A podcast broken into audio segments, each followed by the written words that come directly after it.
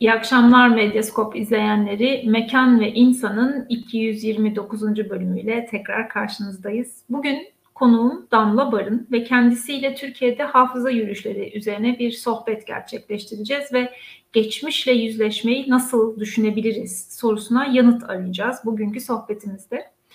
Ee, Karakutu Derneği gönüllüsü Damla Barın ile Boğaziçi Üniversitesi Sosyoloji Yüksek Lisans Programı kapsamında Profesör Doktor Meltem Ahıska danışmanlığında hazırladığı yüksek lisans tezi Hafızalar arasında yürümek, hafıza yürüyüşlerinde gündelik ve duygulanımsal karşılaşmalar ve geçmişe yüzleşme başlıklı tezi kapsamında konuşuyor olacağız.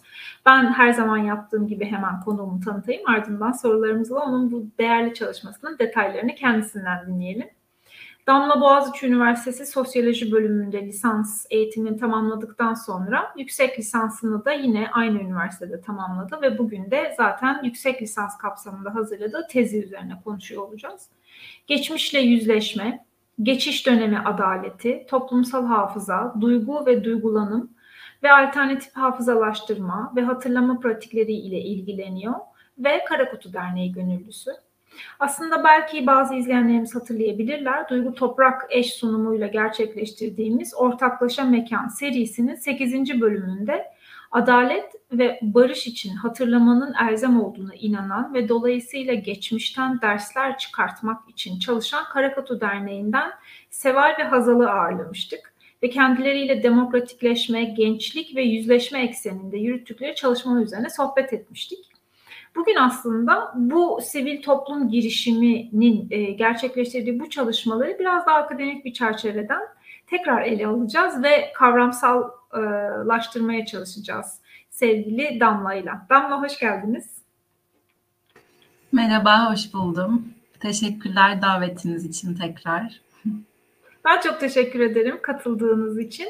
İsterseniz Karakutu Derneği'nden başlayalım. Ee, siz de derneğin bir gönüllüsüsünüz ve e, bu dernek ana aktörlerini gençler olarak seçiyor ve demokratik, demokratikleşme için de geçmişle yüzleşme ve toplumsal hafıza çalışmaları gerçekleştiriyor. Ve zaten sizin tezinizin altyapısına da bu hafıza yürüyüşleri oluşturuyor. Dolayısıyla ben biraz bu oluşumdan bahsetmenizi rica edeyim. Ardından sizin tezinize ve sizin tezinizin kavramsal çerçevesine doğru ilerleriz. Buyurun.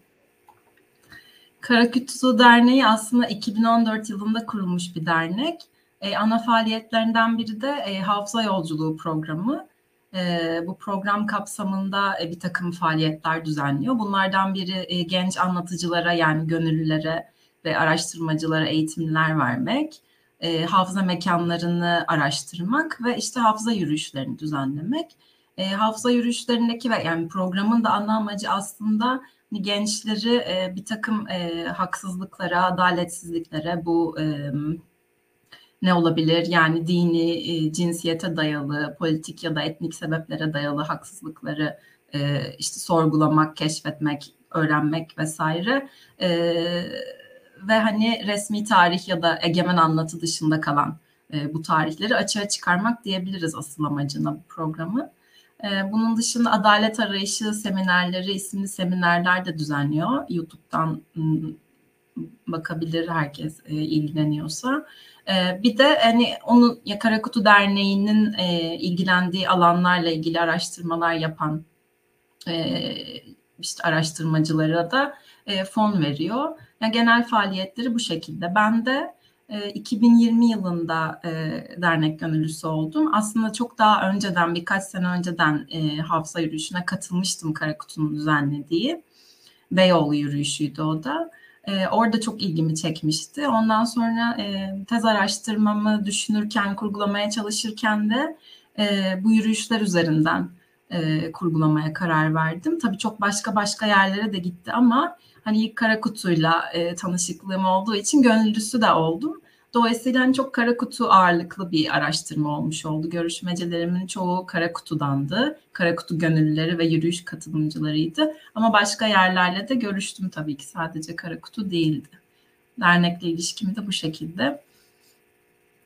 Aslında tabii e, çok kıymetli bir e, durum bu. E, hep de merak ederim zaten ve birçok konuğuma da sorduğum sorudur. Bu çalışma nasıl başladı, hikayesi nedir diye ve anladığım kadarıyla eğer tarihleri yanlış anlamadıysam siz henüz lisans öğrencisi iken katıldığınız bir yürüyüş sizin yüksek lisans tezinizin kurgusuna dönüşmüş. İşte tam da bu o ufak e, soru işaretleri, insanın zihninde kalan o deneyimler ve onu etkileyen o meseleler e, hakikaten yüksek lisans ve doktora tezlerinde e, özgün saha çalışmalarına dönüştüğünde tabii çok daha farklı bir e, bilgi birikimine e, de katkıda bulunmuş oluyor. Ben sizin çalışmanızda aslında merak ettiğim hususlardan bir başkasıyla devam etmek isterim. Ee, çok net bir şekilde geçmişle yüzleşme olarak tanımlıyorsunuz siz bu hafıza yürüyüşlerindeki hatırlama e, eylemini. E, ben merak ediyorum bu yüzleşme olumlu bir durum mudur, olumsuz bir durum mudur?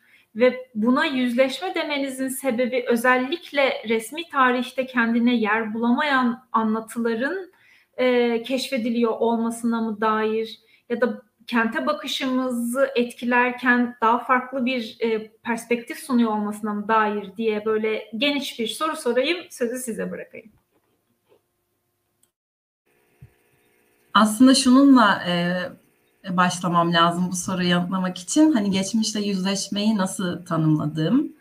E, o da aslında e, şey gibi değil yani başlayan işte lineer bir şekilde ilerleyen ve sonra biten bir süreç ya da bir durum ya da bir sonuç gibi düşünmüyorum geçmişle yüzleşmeyi. Daha çok ucu açık e, bir süreç olarak düşünüyorum. Hani ne zaman başlayıp bittiği de aslında çok net olmuyor bu şekilde düşününce. Ee, ve bir de hani bir takım ana çerçevelerden bahsediyorum geçmişle yüzleşmeyi birlikte e, düşünebileceğimiz. Ee, ve bu çerçevelerden birini alıp aslında hafıza yürüyüşlerini o şekilde anlamaya çalışıyorum. Hani e, ilk iki çerçeve bunlardan şey, birisi e, geçiş dönemi adaleti çerçevesi dediğim yani daha e, yasalar e, ve politikalar odaklı. Hani hem ulusları, ulus devletleri hem uluslararası ve ulusal kuruluşları ilgilendiren ve hani birazcık daha başlayıp bitişini görebileceğimiz geçmişle yüzleşmenin bir çerçeve. İkincisi de daha e, benim hani ulus devlet odaklı çerçeve dediğim bir çerçeve. O da aslında ilkiyle aynı amaç ve ilkeleri kapsıyor.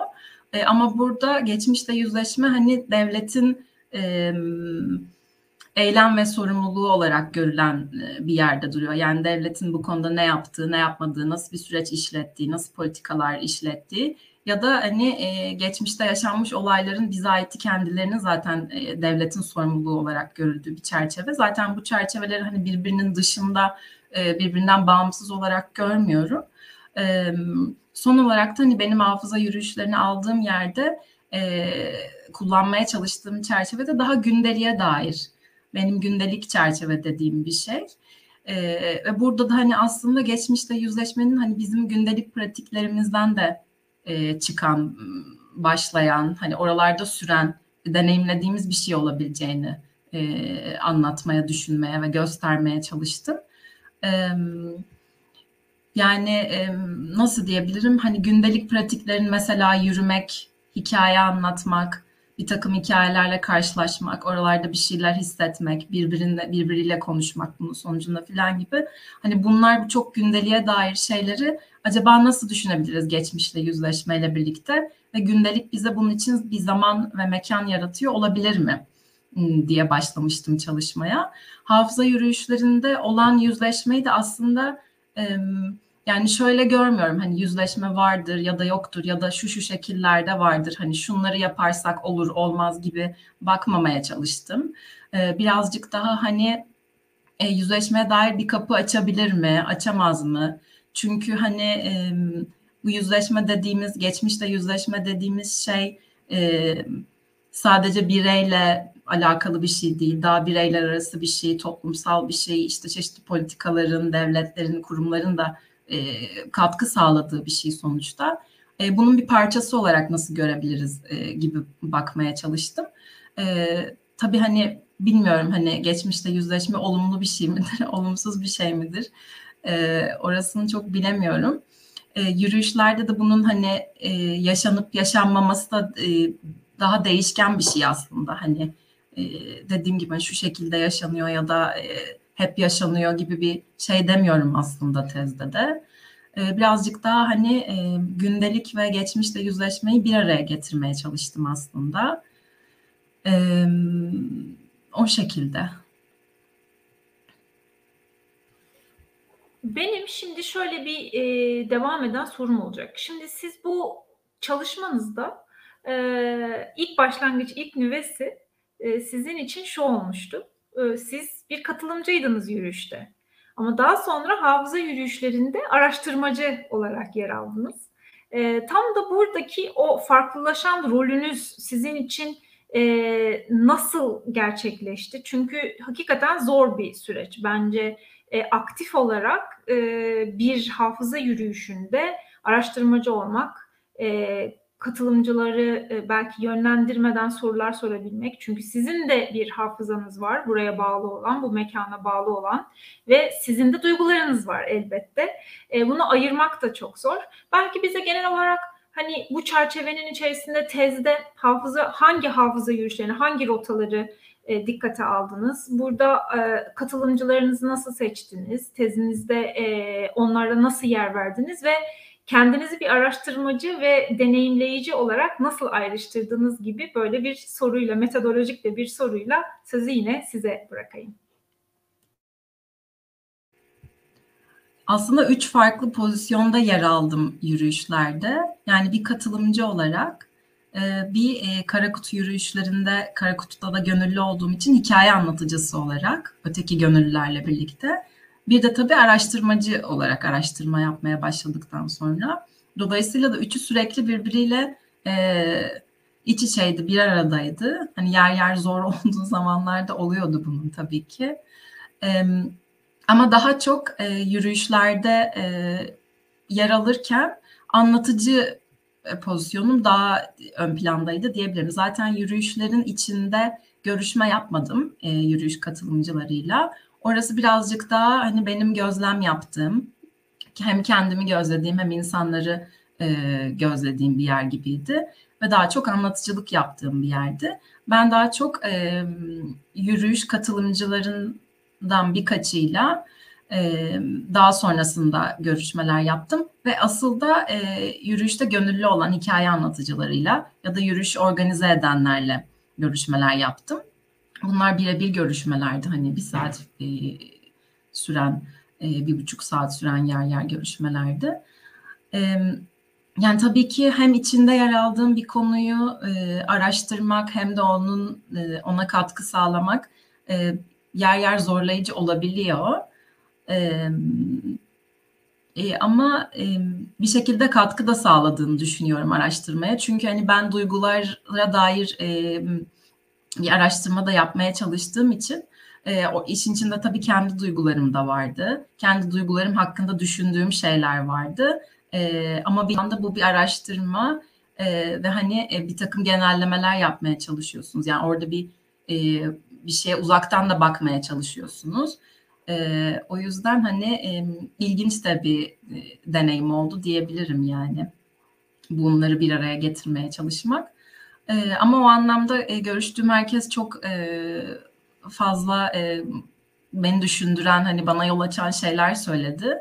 E, yani iyi de bir e, saha olduğunu düşünüyorum. Hani her pozisyonu deneyimlemem açısından e, ve hani hafıza yürüyüşleri e, düzenleyen zaten ben zaten üç farklı yere baktım sadece. E, Karakutu Derneği, onun dışında Sabancı Üniversitesi Toplumsal Cinsiyet e, ve kadın çalışmaları mükemmeliyet e, araştırmaları mükemmeliyet merkezinin yaptığı yürüyüşler var. Cins adımlar isimli. Onlar bir de e, sivil ve ekolojik haklar derneğinin düzenlediği ama artık düzenlemediği yani bitmiş olan yürüyüşler var. Hani bu üçüne de baktım. E, aslında küçük de bir alan. Yani düşündüğüm kadar ya da düşüneceğiniz kadar hani büyük bir alanda değil. E, o yüzden hani e, çok da şey olmadı, e, zor olmadı herkese ulaşmak ama dediğim gibi kara kutu ağırlıklı bir çalışma olmuş oldu. Aslında o açıdan biraz eksik olduğunu düşünüyorum. Daha fazla vaktim olsa e, özellikle cins adımların yürüyüşlerine daha fazla katılmayı çok isterdim. Sadece bir kere katılabildim. Çünkü koronadan da dolayı artık çok fazla düzenlemiyorlardı. SEHAK'ın yürüyüşleri zaten bitmişti ve onlar İstanbul dışında da yürüyüşler yapıyorlardı. E, onlara da e, katılmak isterdim. Bu şekilde diyebilirim.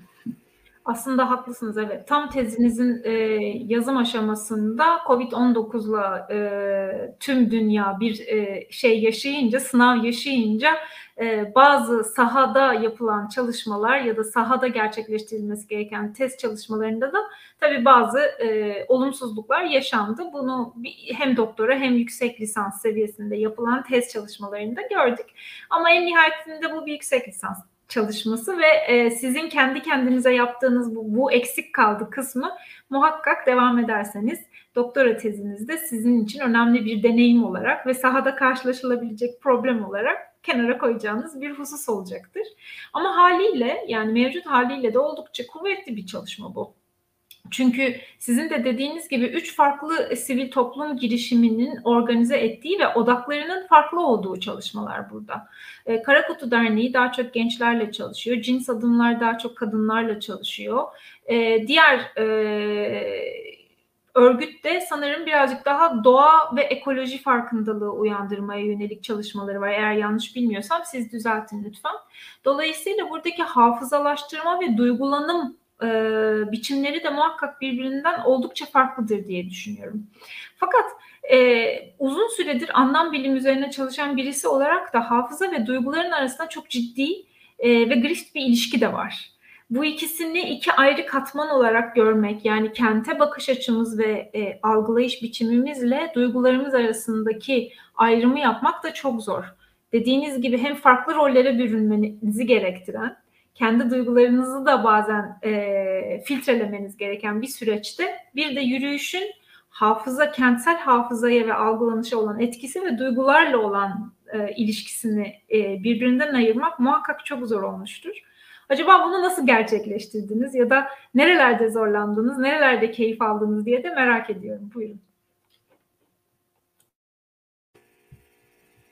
E, önce şey diyeyim, Sivil ve Ekolojik Haklar Derneği hani ekoloji alanında da çalışıyor ama onların yürüyüşleri de e, daha kara kutu yürüyüşlerine benzerdi aslında. E, yani içerik olarak e, hani şey gibiydi daha çok e, Türkiye'de yaşamış gayrimüslimlerin hayat hikayeleri, onların tarihleri falan o şekilde e, durak noktaları ve hikayeler vardı onlarda da. E, ya aslında yürüyüşleri birbiriyle karşılaştırmadım tezde e, karşılaştırılabilirdi. Hani hem e, hissedilenler açısından hem içerik açısından hem yapı açısından da farklılardı. E, mesela cins adımlar yürüyüşleri 20-25 kişilik gruplar halinde yapılıyor ve e, çok farklı bir deneyim yani o.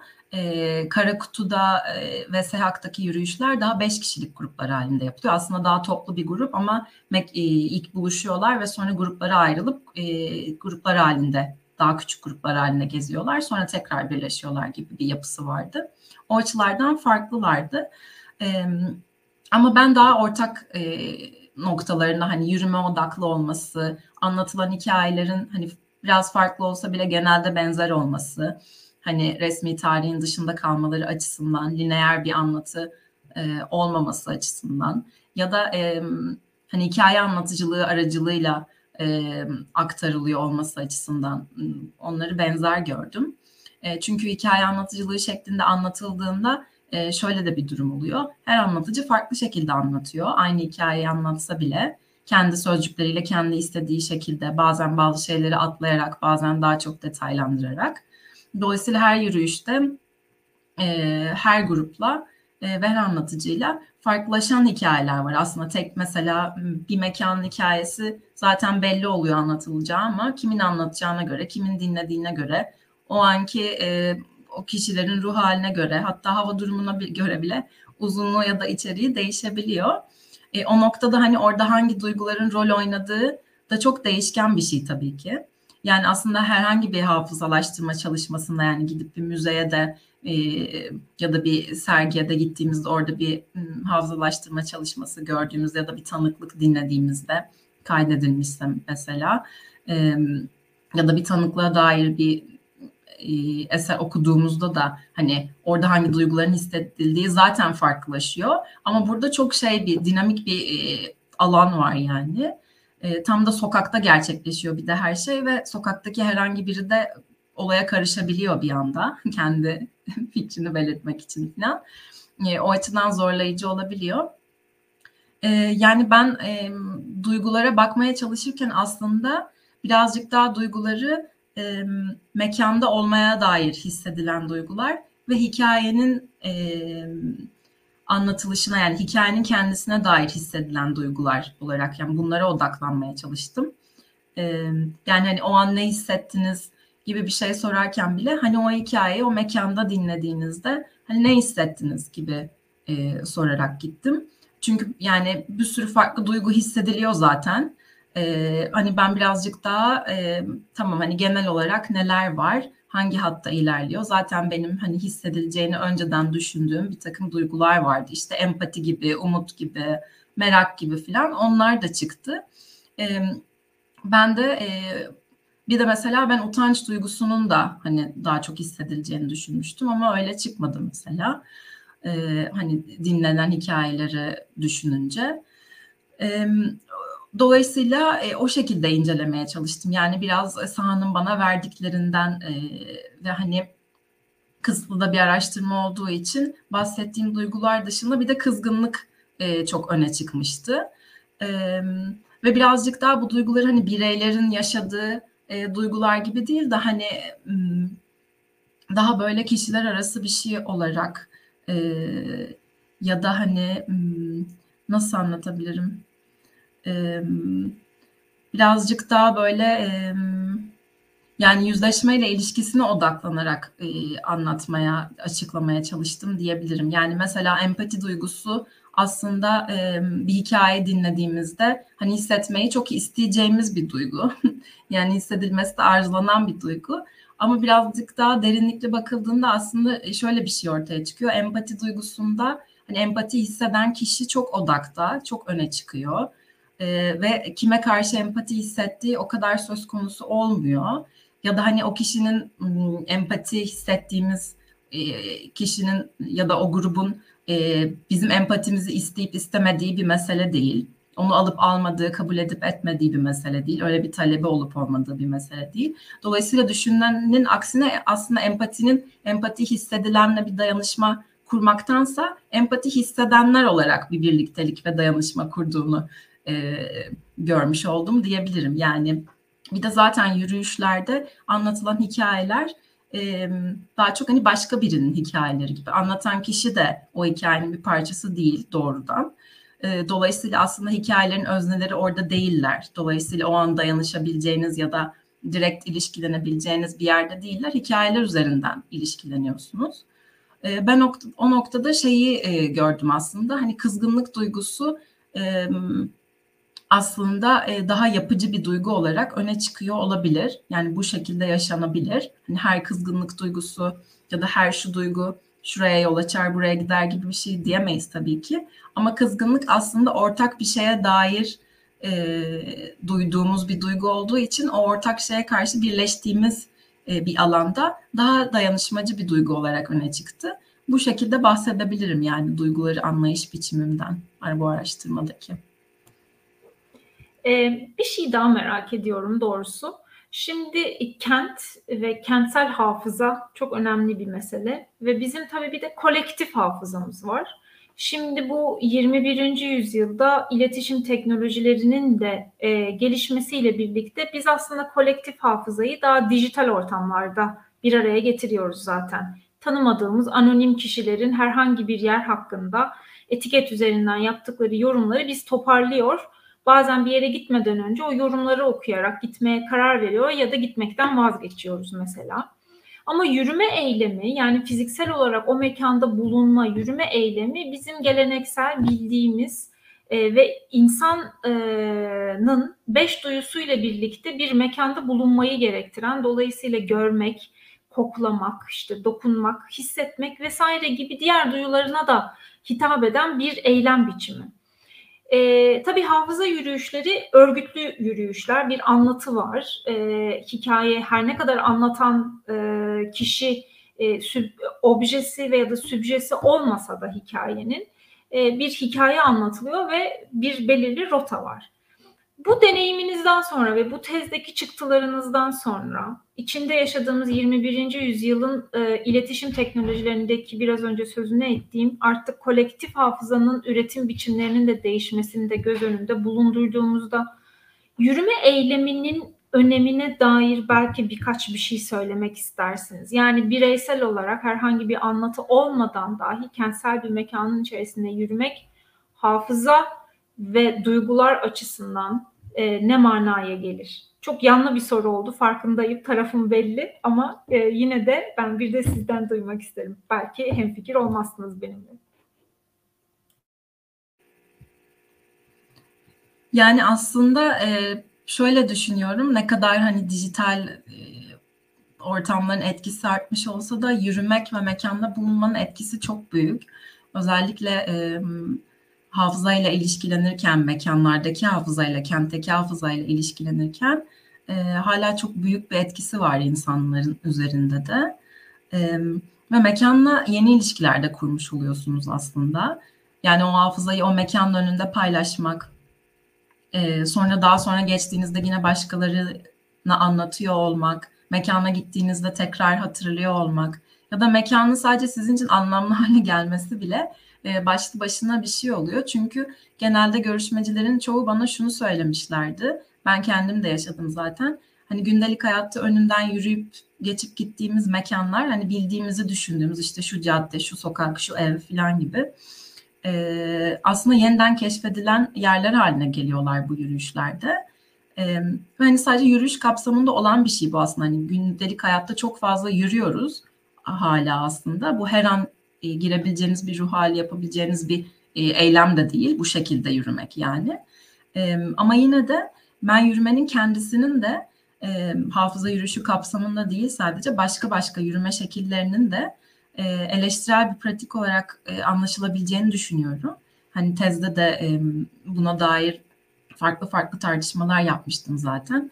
Bir kere çünkü yürümekle düşünmek ilişkisi zaten çok eskiden bugüne gelmiş bir ilişki birazcık daha böyle e, tek başına e, ve böyle beyaz erkeklerin yalnız başına yaptığı ve düşündüğü bir şey olarak tasavvur edile gelmiş bir şey e, bazı açılardan. Aslında ama dediğiniz gibi çok da sosyal ve hani hem duyuların da işin içine girdiği tabii ki hem hem mekanla hem başka insanlarla hem insan olmayan canlı cansız varlıklarla da ilişkiye geçtiğiniz bir şey.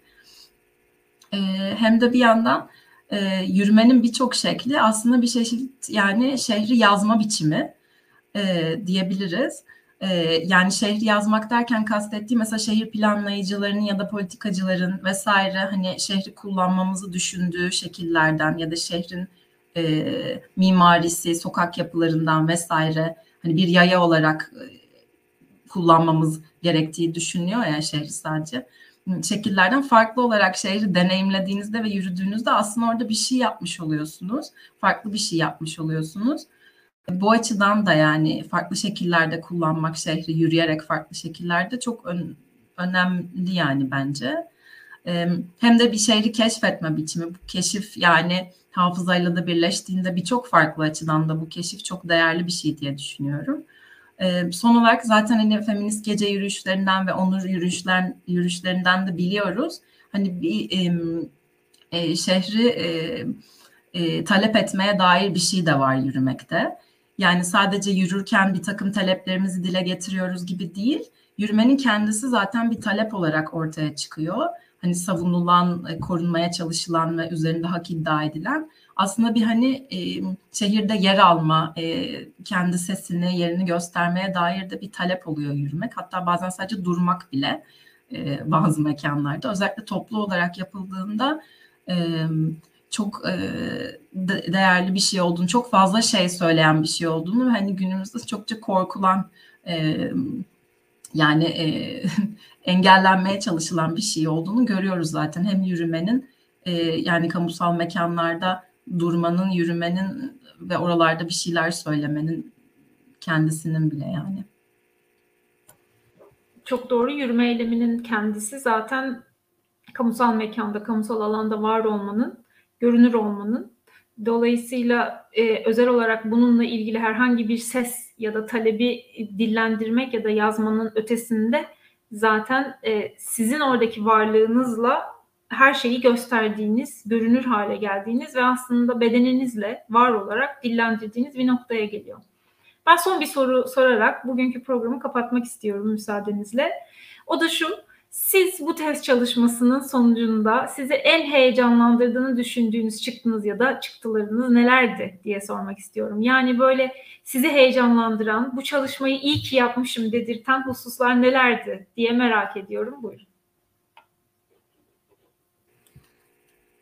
Zor da bir soru oldu çünkü tez e, çalışması yapmak sonra yazmak çokça stresli bir şey aslında. Bazen insanın heyecanını kaybettiği de bir süreç oluyor. Aslında tezden e, beni tezde en çok heyecanlandıran şey yer yer e, düşündüğüm e, ve kendimi sorguladığım bir konu olmuştu. O da yani hani bu yürüyüşlerde gerçekten de bir yüzleşmeden bahsedebilir miyiz? Çünkü bir günlük yürüyüşler hani bunu neresinden tutabilirim gibi düşündüğüm bir dönem olmuş. Dolayısıyla bunu hani gündelikle beraber e, düşündüğüm yere geldiğimde çok fazla heyecanlanmaya başladım ve iyi bir nokta olduğunu da düşünüyorum. Beni en çok heyecanlandıran yer burası yani aslında. E, bir de tabii yürümeyi başka türlü düşünmek ve kendi kentle ilişkimi düşünmek e, de çok güzel oldu. E, artık hani birazcık daha böyle yürürken de farklı yürüdüğüm anlar oluyor. Her an öyle olmasa da. E, ve şehre dair kendimin de bilmediğim birçok şey olduğunu da keşfettim yani. Hepsini öğrenmek mümkün değil. Bir de tez danışmanımla da e, çokça konuşmuştuk bu konuyu. Aslında öğrenebileceğimiz yani öğrenmeyi bitirebileceğimiz bir şey de değil. Yani şehre dair, hafızaya dair evet şimdi ben bunları öğrendim, bu hikayelerin hepsini aldım ve eve gidiyorum, işte araştıracağım ve daha fazla öğreneceğim gibi bir e, şey de değil. Yani yürüyüşler aslında bununla da alakalı değil tam olarak. Yani o bilgi bilgiyle alakalı olmaktan çok oradaki o merak hissiyle, şaşkınlık hissiyle bize yaşattığı şeyle daha çok alakalı ve belki de hani bazı soruların cevaplarını bulamayacağımız, cevaplarının tam da olmadığı e, ya da hani öğrendiğimiz şeylerin bize sadece daha fazla soru sordurabileceğini görmüş oldum. E, zaten hani bir tezden de en çok çıkan şey daha fazla sorudur diye düşünüyorum. Dolayısıyla kendi yürüyüş deneyimim de böyle oldu, tez deneyimim de. Evet her zaman e, geriye kalan sorular bizi daha sonra tekrar devam etmek ve çalışmaya devam etmek için motive eden sorular oluyorlar. E, sevgili Damla çok teşekkür ediyorum. Bugün e, katıldığınız ve bu çalışmayı, bu deneyimi bizlerle paylaştığınız için. Kapatmadan önce benim e, sormayı unuttum. Sizin eklemek istediğiniz herhangi bir husus var mıdır diyeyim. Yok, ben de tekrar çok teşekkür ederim beni ağırladığınız için. Çok teşekkür ediyorum. O halde gelecek hafta pazartesi Mekan ve İnsan'ın 230. bölümünde İstanbul Kültür Üniversitesi Mimarlık bölümünden Ufuk Küçük Yazıcı ve Berkay Oskay ile Bahçeli Evler Millet Bahçesi katılımcı tasarım uygulamasında bir aktör olarak üniversiteyi değerlendirdikleri çalışmaları üzerine bir sohbet gerçekleştireceğiz. Daha fazla mekan ve insan tartışması ve sohbeti için mekan ve insanın Instagram ve Facebook hesaplarını takip etmeyi, YouTube ve Spotify kanallarına abone olmayı ihmal etmeyin. İyi akşamlar.